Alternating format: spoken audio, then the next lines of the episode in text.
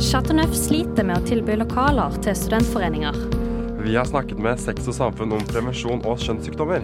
Med tips om de beste stedene å studere i Oslo. Og hvorfor er et nytt studenthus viktig som, byutvikling, som byutviklingen i Oslo? Styreleder i SIU Jonas Virtanen er med oss live. Hei og velkommen til Studentnyhetene. Vi har masse kjekke saker til deg i dag, men aller først skal du få høre ukas nyhetsoppdatering av Henrik.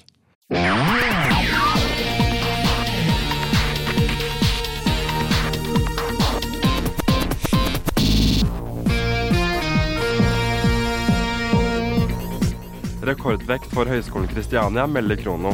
Opptaket ved høyskolen er nærmere 40% høyere enn året før. Høyskolen satser stort på masterutdanninger, og fikk godkjent hele syv nye masterløp ved høyskolen det tidligere året. Professor ble rundlurt av nettsvindler for flere millioner. Medisinprofessor ved Universitetet i Bergen, Anne Berit Guttormsen, har blitt svindlet for over 12 millioner kroner av en svindler hun møtte på en online datingside, melder Krono. Bare tenn på teltlæreren din, så får du er kommet til Norge. 50 er 50 for mye, skriver professor i filosofi ved Universitetet i Oslo Jens Saugstad på sin Facebook-profil. Ekstra skuffende at en filosofikollega velger å uttrykke seg slik, svarer Lars Gule ifølge Krono. Det var ukas nyhetsoppdatering, og mitt navn er Henrik Pedersen. Chateauneuf har i den siste tiden slitt med å finne nok plass til forskjellige studentforeninger som ønsker å bruke lokalene deres til øving og arbeid. For å finne mer ut av dette tok vi kontakt med Den norske studentersamfunn for å høre hva de hadde å si om saken. For å finne mer ut av dette, så spurte vi styreleder for Chateau Neuf, Ragnhild Bjørgum Vassbotn. Tusen takk for at du kom hit i dag og kan svare på spørsmålene våre. Aller først, hvorfor har det blitt sånn at enkelte foreninger og studentforeninger ikke har fått plass hos Chateau? Altså det som har skjedd, er jo at pga. smittevernrestriksjoner så har en del av studiestedene eh, blitt strengere på at foreninger får lov til å være eh, hos UiO eller hos Oslo Mette og sånn, og at man har rett og slett begrensning på at uh, foreninger trenger større rom. Uh, og da er det veldig mange som har kommet til Chateau Neuf og spurt om lov til å være her. Og så har vi prøvd å få plass til så mange som mulig. Men vi har jo begrensa hus, vi òg. Og, og, særlig når vi ser at det er på en måte de store rommene folk trenger. da, fordi at de små møterommene rett og slett er for små nå som det er koronatiltak. Og er det sånn at dere måtte flytte noen som før fikk bruke lokalene deres? Vi har i utgangspunktet ikke flytta noen ut av huset, men vi har måttet gjøre en del omrokeringer innad på huset. Eh, F.eks. har da Radio Nova måttet få noe større møterom. Eh, Impro Nøff har måttet ha større lokaler for å drive liksom, aktivitet, fordi at man rett og slett må spre folk mer. Hva prioriteringer er det dere måtte ha tatt? Altså Den vanskeligste prioriteringa er jo prioriteringa mellom eh, å gi foreninger steder der de kan være, og store nok lokaler. Og det å kunne lage utadretta arrangement som konserter og quiz og sånne ting. Fordi hvis man bare booker foreninger på hele huset, så vil jo huset bli veldig lukka. Eh, og kun sant, Du må være med i en forening for å være her. Og vi ønsker å være et veldig utadretta hus som har plass til alle. Uh, og ha utadretta arrangement og ikke fylle alle lokalene med foreninger. Og det er en veldig vanskelig prioritering, for vi skulle jo ønske vi kunne gjøre begge deler. Vet du hvordan det har gått med de som dere ikke har fått plass til? Altså, Jeg har ikke full kontroll over alle, um, men jeg vet at en del av dem i hvert fall prøver å legge press på sine egne institusjoner. Og så regner jeg med at uh, noen av dem ikke har funnet en plass og rett og slett har måttet utsette en del aktivitet fordi de ikke har noe sted å være. Så ser jeg jo kanskje for meg at noen har måttet finne seg steder der de kanskje må betale leie, som da går utover foreninga sin økonomi. Eh, for her på Chateau får man jo være, altså være, gratis hvis man er studentforening. Det har altså praksisen vært på da UiO og Oslo Met, at de får låne lokaler gratis. Men jeg ser for meg f.eks. et kor da kanskje må leie seg et kirkerom eller et eller annet sånt for å ha øving, som vil da gå hardt utover økonomien til, til foreninga. Hva mener du bør gjøres for å hjelpe se på situasjonen sånn som den er nå? Altså, jeg mener jo at student, altså, eller universiteter og, og, utdanningsinstitusjonene må ta liksom, sin del av ansvaret eh, og innse at studentlivet er mer enn 9 til 4 og mer enn bare det å være på forelesning. Og bør prøve å se på sant? Nå åpner man mer og mer for undervisning, og det syns jeg er veldig bra. Det blir mer og mer eh, fysisk deltakelse der. Men da mener jeg også at de må se på måter de kan tilrettelegge for studentaktiviteten også på kveldstid på utdanningsinstitusjonene, og ikke bare si at nei, vi har lukka det for dere pga. korona. Eh, og sende dem liksom ut i Oslos jungel av lokaler og, og gjerne dyre steder de eventuelt må leie. da. Så, så det er absolutt et, et, ansvar som jeg mener hviler en del på, på institusjonene sjøl. Å finne gode måter de kan åpne opp igjen lokaler for foreningene sine. Tusen takk for at du svarte på spørsmål. Så får vi håpe at det ordner seg for mange studentforeninger, sånn at de finner seg plasser hvor de kan få være og øve. Der hørte du et intervju med styreleder i Chateauneuf, Ragnhild Bjørgum Vassbotn. Reporter i saken var Line Rørvik. Vi møtte Sex og samfunn for å snakke om både prevensjon, kjønnssykdommer og klitoris. Jeg var og besøkte Sex og samfunn i Trondheimsveien 2B. Hva er Sex og samfunn? Hva tilbyr dere? Sex og samfunn er så mye. Eh, men det som kanskje er mest aktuelt for studentene, eh, og som er hovednavet vårt, er klinikken her på Grünerløkka. I fjor var det 30 000 besøkende her. De fleste som kommer hit, de kommer for å teste seg for seksuelt overførbare infeksjoner og for å få prevensjon. Men så er det jo alt mulig annet. Alle mulige sexologiske problemstillinger. Um, folk som er utsatt for overgrep, folk med transproblematikk, folk med ja, alt mulig rart av både dysfunksjoner og gleder og begeistring. Så her er det alt som har med seksuell helse å gjøre, kan man komme hit med. Er tilbudet, er tilbudet gratis? Det er gratis. Før, altså Nå er det jo litt andre tider pga. koronaen. Tidligere så kunne man bare komme hit. Eh, og da var det lang kø utenfor hver eneste dag. Eh, men nå må man bestille time. Så det er litt mer begrenset. Vi har litt mer telefonkonsultasjoner. Men vi klarer å opprettholde tilbudet, har gjort det hele tiden og tar unna ganske mye. Eh, det er også mulig å komme innom og ta en selvtest. Da kan man også føre på drop-in. Det går ikke lenger. Så da er det veldig lett å gå inn noe som heter pasientsky og bestille seg en time. Men stor pågang, ja. Vil du da si at folk er flinke til å sjekke seg for kjønnssykdommer? I fjor så hadde vi eh, nesten 20 000 eh, tester av klamydia her. Eh, vi hadde i overkant av 2000 positive. Så det betyr altså Av all klamydia i Norge så, blir, så oppdager vi altså 8 på våre tre små toaletter her på Sex og Samfunn. Det er ganske mye. Men absolutt. Altså, det er jo, man snakker om at det er flere og flere tilfeller av klamydia. Men det er fordi det er flere og flere som tester seg. Ja. Så uh, vårt inntrykk er at ungdom er flinkere og flinkere, tar mer og mer ansvar og tester seg. Hvis du vil ha prevensjon, ja, da må du ringe oss og bestille en time. Er det lang ventetid på det? Det varierer også veldig. Akkurat nå har det Hvis du ønsker prevensjonsveiledning og, og resept på prevensjon, så tror jeg det nå, nå kan du ringe og få det samme dag eller dagen etter. Uh, og så er det Hvis du da ønsker p-stav eller spiral og skal til lege eller uh, jordmor eller helsesøster og få satt inn det, så kan det være noe ventetid. Men, men stort sett i løpet av uka eller to uker så, så, har du en time. Har du inntrykk av at det har vært mindre tilfeldig sex etter korona kom? Har snakket litt om det. Uh, og akkurat, akkurat da Norge stengte 12.3, så var det nok litt mindre pågang. Men, men, kanskje allikevel i forhold til hvordan restriksjonene var, og hvordan man var anbefalt å oppføre seg, så var, eh, så var pågangen ganske, ganske, stor. Og ganske mange sa også at de hadde hatt ulike sexpartnere eh, i løpet av en uke eller to. Så det, alt mulig skjer, og, og, den seksuelle helsa den lever jo sitt eget liv, den. Så den, behovene er der. Nei, litt om kjønnssykdommer, egentlig. Hva er vanligst, og hva er ikke så vanlig? Eh, klamydia er jo det som, eh, som, vi har aller mest av eh, si, i landet, men også her hos Sex og Samfunn, selvfølgelig. I fjor så var det eh, ca. 1500 positive kvinner og 612 menn. Eh, og det er jo fordi det er en del flere kvinner som tester seg, og det gjør man gjerne i forbindelse med at man skal få prevensjon. Eh, så det, det, er det det er helt klart mest av. Det vi ser, er at uh, gonoré kommer i større grad. Det er jo en sykdom vi trodde var nesten utryddet. Og hvis noen hadde det tidligere, så var det gjerne menn som har sex med menn.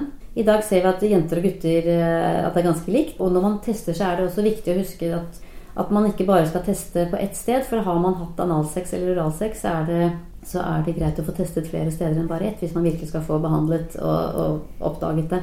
Så man får ikke oppdaga gonoré på en vanlig sånn klamydia-test, da? Nei, akkurat her hos Sex og Samfunn, når du kommer hit og tar en test, så eh, tar vi både klamydia og gonoré-test. Men hvis du kommer uh, og bare tar test fra vagina eller fra urin, så hjelper det veldig lite hvis du kun har hatt analsex eh, og du har gonoré eller, eller klamydia analt. Det som, det som, ofte blir når man snakker, er at man snakker om kjønnssykdommer og alt. Så det som er sånn apropos sånn, så snakke om noe som er positivt, f.eks. Vet du f.eks. hva dette er? Det vet jeg hva er. Det er klitoris. Ja. Man burde alltid snakke litt om klitoris. Ja. At den er stor, da. Ja, og den, eh, altså, den er jo altså um, Klitoris er jo på størrelse med en penis. Og det er et svampelekeme som fyller seg med blod på samme måte som en penis, og utvider seg på den måten. Og så er det det som er gøy, er at det er altså det eneste organet i kroppen som kun er til for nytelse. Så det er jo bare en sånn glad, en gladsak. Når man snakker om ulike typer orgasmer for kvinner, så snakker man liksom G-punktsorgasme, vaginalorgasme og klitorisorgasme. Eh, alt det kan bare forkastes, mener jeg. Eh, fordi at når du ser denne klitorisen, og hvor stor den er Det som på en måte er eh, hodet og disse ytterste bena her sånn, her er det 8000 nerveender. I en penis så er det 4000. Så den er altså inntil dobbelt så følsom som det en penis er. Disse her de er støtdempere og ligger jo da så når en kvinne blir penetrert, så er det veldig viktig at hun er opphisset, for da er disse fylt med blod, og så, det, så har du da støtdempere.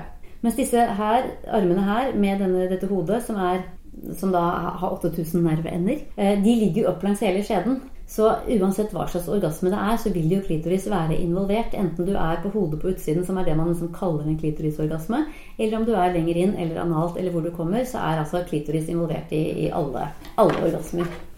Eh, for det er altså bare 20 år siden at man fant ut hvor stor klitoris faktisk var, og hvordan den er. Og det, man har jo forsket mye på menns helse og, og menns kropp, og mye mindre på kvinnehelse.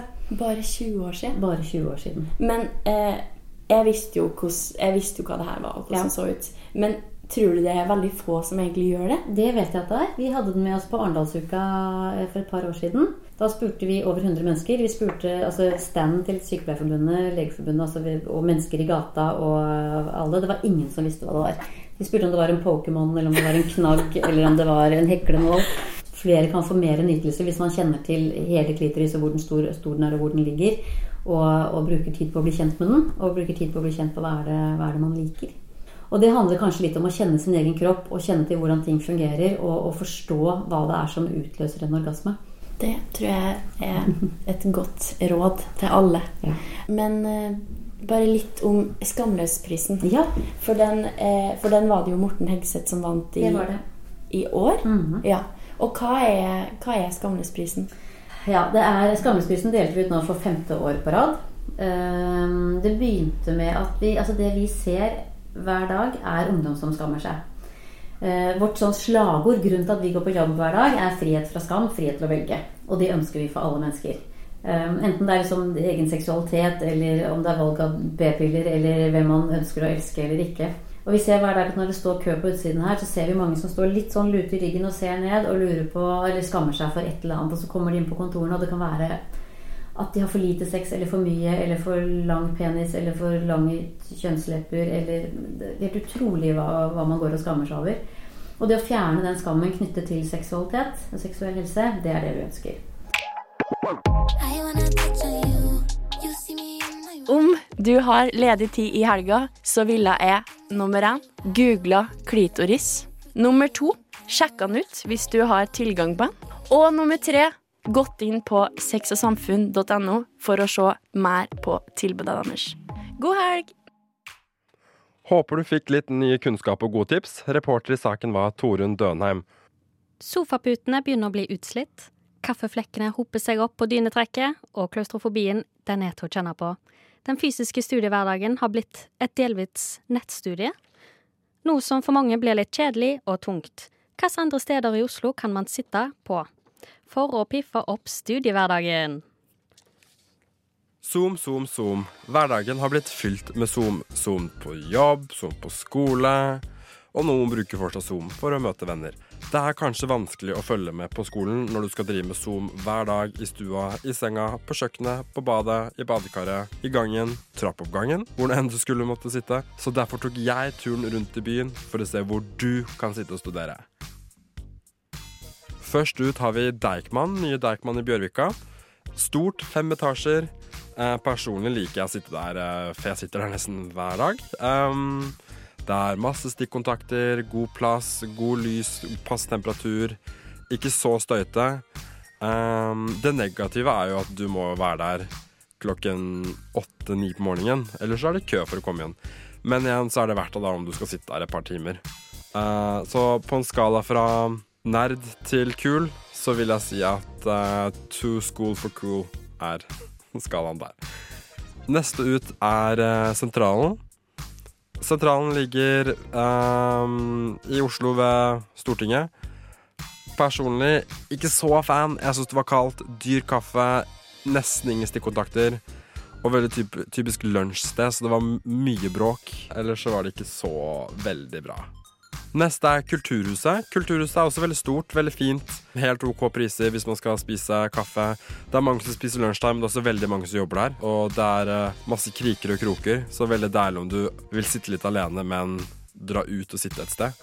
Uh, I motsetning til sentralen, der man sitter oppå hverandre. Men det er jo et fint sted òg, da. Sist ut så har vi faktisk eh, Godt brød på Løkka. Det, det, var veldig koselig. Stort, mange kriker og kroker der òg. Godt med stikkontakter. Veldig overpriset, syns jeg, men man trenger ikke alltid spise. Er man økonomisk, så kan man ta med seg mat hjemmefra. Alle stedene jeg har nevnt, har eh, gratis internett uh, på stedet. Deichmans internett var veldig bra, uh, men det tar veldig lang tid å koble til. Kulturhuset sitt er veldig bra. Sentralen sitt var veldig bra. Godt brød sitt var veldig dårlig, så det datt ut. Så da måtte jeg gå over til å bruke mobildata. Heldigvis har jeg ganske mange gigabyte, så for meg gikk det fint. Men det funker kanskje ikke fint for absolutt alle sammen. Håper disse tipsene gjør din Zoom-hverdag bedre, din studiehverdag, din hverdag generelt. Ta med deg tipsene, del det gjerne videre, og lykke til med studiet. Takk for meg, og tilbake til studio. Ja, reporter i saken var Henrik Pedersen. Takk for gode tips til steder å studere. Etter mange år med håp om at St. Olavs gate 32 blir Oslos nye studenthus, og med tilsynelatende alle parter på lag, så ser det mørkt ut nå. Bygget skal nemlig legges ut for salg på det åpne markedet, og SIO har uttalt at de ikke har midler nok til å konkurrere med andre aktører på budrunden. Vi har med oss Jonas Virtanen, styreleder i Studentsamskipnaden i Oslo. Velkommen til oss. Alt bra? Ja, alt bra. Tusen takk for at jeg fikk lov til å komme. Det setter jeg pris på. Så bra. Um, for var det ikke slik at det var ganske enstemmig om å gi SIO tilbud om bygget? Eh, det vi opplevde da, var at det var bred politisk enighet, både eh, spesielt i, hos bystyret. ikke sant? Det, ingen, eh, altså, både, altså, det står i byrådserklæringen til byrådet, og opposisjonen med, med Høyre og Venstre altså for. Så, så, det er en bred politisk enighet både lokalt. og så uttalte Monica Mæland kort tid før hun, hun gikk av at hun mente at dersom det ikke fantes noen andre offentlige påtrengende behov, så, så, mente hun at dette burde være mulig å få, få gjort, gjennomført gjennom et rettet salg da, til SIO. Og da mente hun at med studenthus som formål. Ja. Um, er det sånn at håpet er ute nå da for St. Olavs gate 32? Nei, altså håpet er ikke ute. Eh, nå har ikke Statsbygg begynt prosessen. Og vi ser allerede at en stortingsrepresentant fra Arbeiderpartiet i Oslo, Siri Ståle Gåsemyr Staalesen har, eh, har, har, skrevet et skriftlig spørsmål til statsråden vedrørende dette. Eh, og hvor hun, spør da, eller etterlyser mulighet for å omgjøre den, den avgjørelsen. Så det er, det er, noen politiske prosesser som er pågående, og vi håper at Astrup ser den, den muligheten her gjennom å etablere et studenthus der, til at han er villig til å gå med på å endre endre avgjørelsen. Og så, da, hvis, hvis mot formodning han ikke gjør det, så vil jo bygget legges ut på åpne marked. Vi, vi, har sagt at vi har ikke sagt at vi skal få dette bygget gratis eller få det på billigsalg. Men vi mener at dersom, eh, da, altså dersom departementet hadde gått i dialog med SIO og satt som klausul at bygget skulle bli, gjøres til studenthus, så mener vi at det er mulig å innhente en takst. Og Det er det en åpning for i loven. Og når så, det, det, det, så alt håp er ikke ute. Men, men, dersom det blir lagt ut på det åpne markedet, så er det i mest sannsynlig stor konkurranse. Og sammenlignet med store eiendomsselskaper så har ikke vi de samme økonomiske musklene dersom det blir en åpen budrunde. Um, men vi gjør det vi kan, og vi har ikke gitt opp håpet en, enda. Uh, men, men, det ser litt mørkt ut med tanke på de signalene Nikolai Astrup har gitt, har gitt nå. Det gjør det. Eh, du har uttrykt i en kommentar til Aftenposten om at avgjørelsen om å legge ut bygget for salg på det åpne markedet kommer til å føre til, siterer direkte, dårligere byutvikling og mindre samfunnsnyttig aktivitet i huset. Dette syns vi virker litt interessant. Eh, for hva tenker du et nytt studenthus vil gjøre for Oslo by generelt og studenter?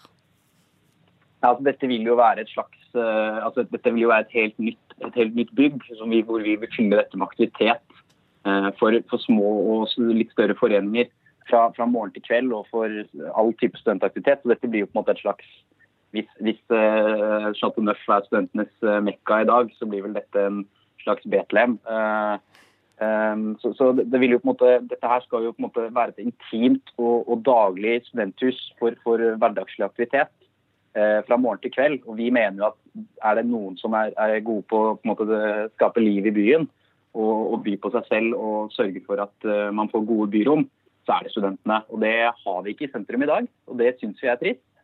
Uh, Bergen har det, Trondheim har det, uh, Tromsø har det. Stavanger kommer for til å få det, faktisk. Stavanger vedtok nå i campusstrategien sin at de skal få et typisk stort lokale med, med, hvor også studentforeninger og studentaktivitet og et slags studenthus er på, på blokka.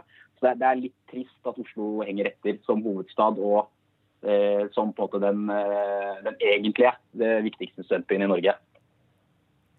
Ja, Hvorfor er studenter så viktige for byutviklingen her i Oslo? Først og fremst fordi det er mange, mange altså det er betydelig andel av uh, nesten 70, 70 000 studenter og er studenter. Og det er en fase hvor man ser flere og flere er igjennom, og den er stort sett midlertidig. Ehm, så det er, det er, en betydelig, først og fremst en betydelig andel av byen, men også, også fordi at det er, en, eh, det er, en, stor gruppe med mennesker som kommer fra ulike bakgrunner. Og vi ser at Oslo er en mangfoldig by, og det mener vi også studentene er. Og vi mener at det er viktig, et viktig bidrag til, eh, til, byen, at studentene også tar del eh, og får eierskap til hvordan bysentrum blir utforma. Um, ehm, og det er unge mennesker som bidrar til liv og, og morsom. Altså, jeg, jeg, liker å sitere Raymond Hansen. ikke sant? Han sier at kommunen skal bygge dansegulv, men det er innbyggerne som må danse. Og her er litt sånn SIO er på tilbudssiden og skal tilby Oslo et dansegulv, og så skal studentene danse. Eh, det er slik vi ser det med et studenthus. Ja, hvorfor var St. Olavs gate akkurat passende for dette formålet? St. Olavs gate først og fremst er en eh, god beliggenhet med tanke på de institusjonene i sentrum, bl.a. Oslo Met og ikke så langt unna Høgskolen Kristiania. Um, så det er sentralt. Eh, det er, altså det er gode kollektivforbindelser. Og så har SIO ganske god kjennskap til bygget fra, fra før av gjennom at vi har vært leietager og hatt SIO helse der tidligere. Det er noe med det at vi, vi, har god kjennskap til bygget, og vi, vi vet at det er mulig å, ut ifra de erfaringene vi har gjort oss, å, gjøre om bygget og sette det i stand til eh, den type aktivitet vi ser for oss vil være eh, lukrative for, eh, for studenter på dagtid og gjennom hele døgnet da, med, med, foreningslokaler og den type aktivitet. Så det handler først og fremst om at beliggenheten er veldig god. Det er et utrolig fint bygg. Og vi mener at det er mulighet med de erfaringene vi har gjort oss ved å ha vært der, at eh, det kan settes i stand med, med godt egna lokaler til den type studentaktivitet vi ser i dag. Som vi ser studentene mangler. Uh, for vi, ble, vi, ser jo bl.a. at det er flere foreninger som ikke får plass på bl.a. Chateau Neuf og, og, den type ting. Og vi ser at det mangler et hva skal man si, tverrinstitusjonelt, altså på, på, tvers av flere institusjoner. Man ser at foreninger der mangler et, den type lokaler. og Det er derfor St. Olavs gate 32 ligger, har en veldig fin beliggelse og vi mener at bygget er egnet. Det er først og fremst derfor vi er veldig opptatt av det. Eh, men hva mener du SIO eh, kan tilby av aktiviteter i huset, som andre mindre samfunnsnyttige aktiviteter da, eller firmaer ikke kan? Ja, nei, altså Først og fremst så mener vi at studenter er en ressurs for byen. Og, og studentforeninger og den type aktivitet eh, vil bidra til liv. Og vi mener at det er en naturlig del av byrommet. Eh, SIO vil også kunne etablere leveringsvirksomhet og, og, den type ting. Så det er Først og fremst så vil, bare, så vil, SIO fasilitere det at studentene etablerer aktivitet der. Så Det er ikke SIO som skal eh, som, som jeg sier, det er ikke SIO som skal danse der, det er studentene. Og det handler om at SIO er en eh, seriøs og tung eiendoms, eiendomsaktør som har, har, god erfaring med det å fasilitere eiendom. Men ikke da de samme musklene da, økonomisk som store eiendomsselskaper. Men eh, jeg mener at eh, vi, er, eh, vi, er gode, vi, har god erfaring med det å drive eiendom, og kan det å tilby den type lokaler. Og så er det studentene som skal fylle det. da. Altså, vi sier jo legge til rette med type serveringsvirksomhet og, og den type tjenester som vil gjøre det lukrativt for studenter å være der gjennom dagen. Og så tror vi at vi er en, også en god aktør i forhold til å tilknytte oss, være et bindeledd for næringslivet også. Og hjelpe de foreningene som har aktiviteter med å, som er opp mot uh, arbeidslivet da, ikke sant, eh, og næringsliv. som vi tror vi kan være fint bindeledd og sørge for at man f.eks. kan bruke uh, bygget til type altså hva man si, type case-oppgaver hvor man inviterer bedrifter inn, og hvor studentene da også er arrangør. da, ikke sant. Så vi, vi, ser et, vi, ser ikke noe sånn der, Det er ikke noen begrensninger ved bygget, slik vi ser det, på hva vi ikke kan. Mest og fremst på en måte, hva er det vi kan, og det er jo så utrolig mye. Og Det skal studentene være med å definere, og det skal SIO fasilitere. Det er utgangspunktet vårt. Ser SIO nå på andre bygg som potensielle nye studenthus? Eh, vi har ikke gått bort fra St. Olavs gate 32 som det ideelle huset, og enn så lenge så ser vi an eh, prosessen der. Um, vi, har ikke, vi, har ikke, noen uh, andre hus på, på, blokka for øyeblikket. Det har vi ikke. Nå som det er vedtatt at det skal legges ut på det åpne markedet, bør dere begynne å se på nye hus i nær framtid? Det er selvfølgelig noe vi må ta stilling til, men først og fremst vil vi gjøre det vi kan for å sikre St. Olavs gate 32. Og dersom det ikke går, så må vi selvfølgelig begynne å se etter, eh, etter andre bygg. Og dessverre så er det ikke så mange andre lokaler i sentrum som er så godt egnet etter, etter, det vi opplever. Både med tanke på plassering og um, altså de mulighetene vi mener det finnes i bygget. Og vi vil jo på en måte at et studenthus skal være noe helt, helt, noe helt eget. Og ligger helt, altså St. Olavs gate 32 ligger så godt plassert alene at Eh, det vil ikke være nødvendigvis eh, altså Det er ikke kontorlokaler der som begrenser eh, lyd, lydnivå og sånne ting. ikke sant? Så vi, vi, må selvfølgelig gjøre en ny sondering dersom det ikke går. og Da er det selvfølgelig viktig at vi har med oss studentene. Men først og fremst så er St. Olavs gate 2 noe, noe SIO også har sett på fordi at det har vært et sterkt ønske fra studentene gjennom Velferdstinget. Så det blir en prosess velferdsting også må, må se på sammen med, med SIO. Det er jo Velferdstinget som skal være premissleverandør i den, i den, prosessen. Så vi kommer til å forholde, holde, forholde oss litt til hva, hva, de eventuelt mener kan være et egnet bygg. Ja, tusen takk for at du ville prate med oss, Jonas Virtalen, styreleder i SIO. Tusen takk for at vi kom med. Ja, lykke til videre med studenthusarbeidet. Takk for det. takk for det. Det, det trenger vi nå. Og så som sagt så er ikke alt håp ute, men uh, vi, er uh, vi, er selvfølgelig litt skuffet over beslutningen til Astrup. Så vi håper, han, uh, vi håper, selvfølgelig at han vil omgjøre den avgjørelsen. Ja, det håper vi òg. Ha en fin dag videre. Det er godt å høre. Ha det fint. Ha det, ha det. Nå kommer værmeldingen fra Yr. Den levert av Henrik.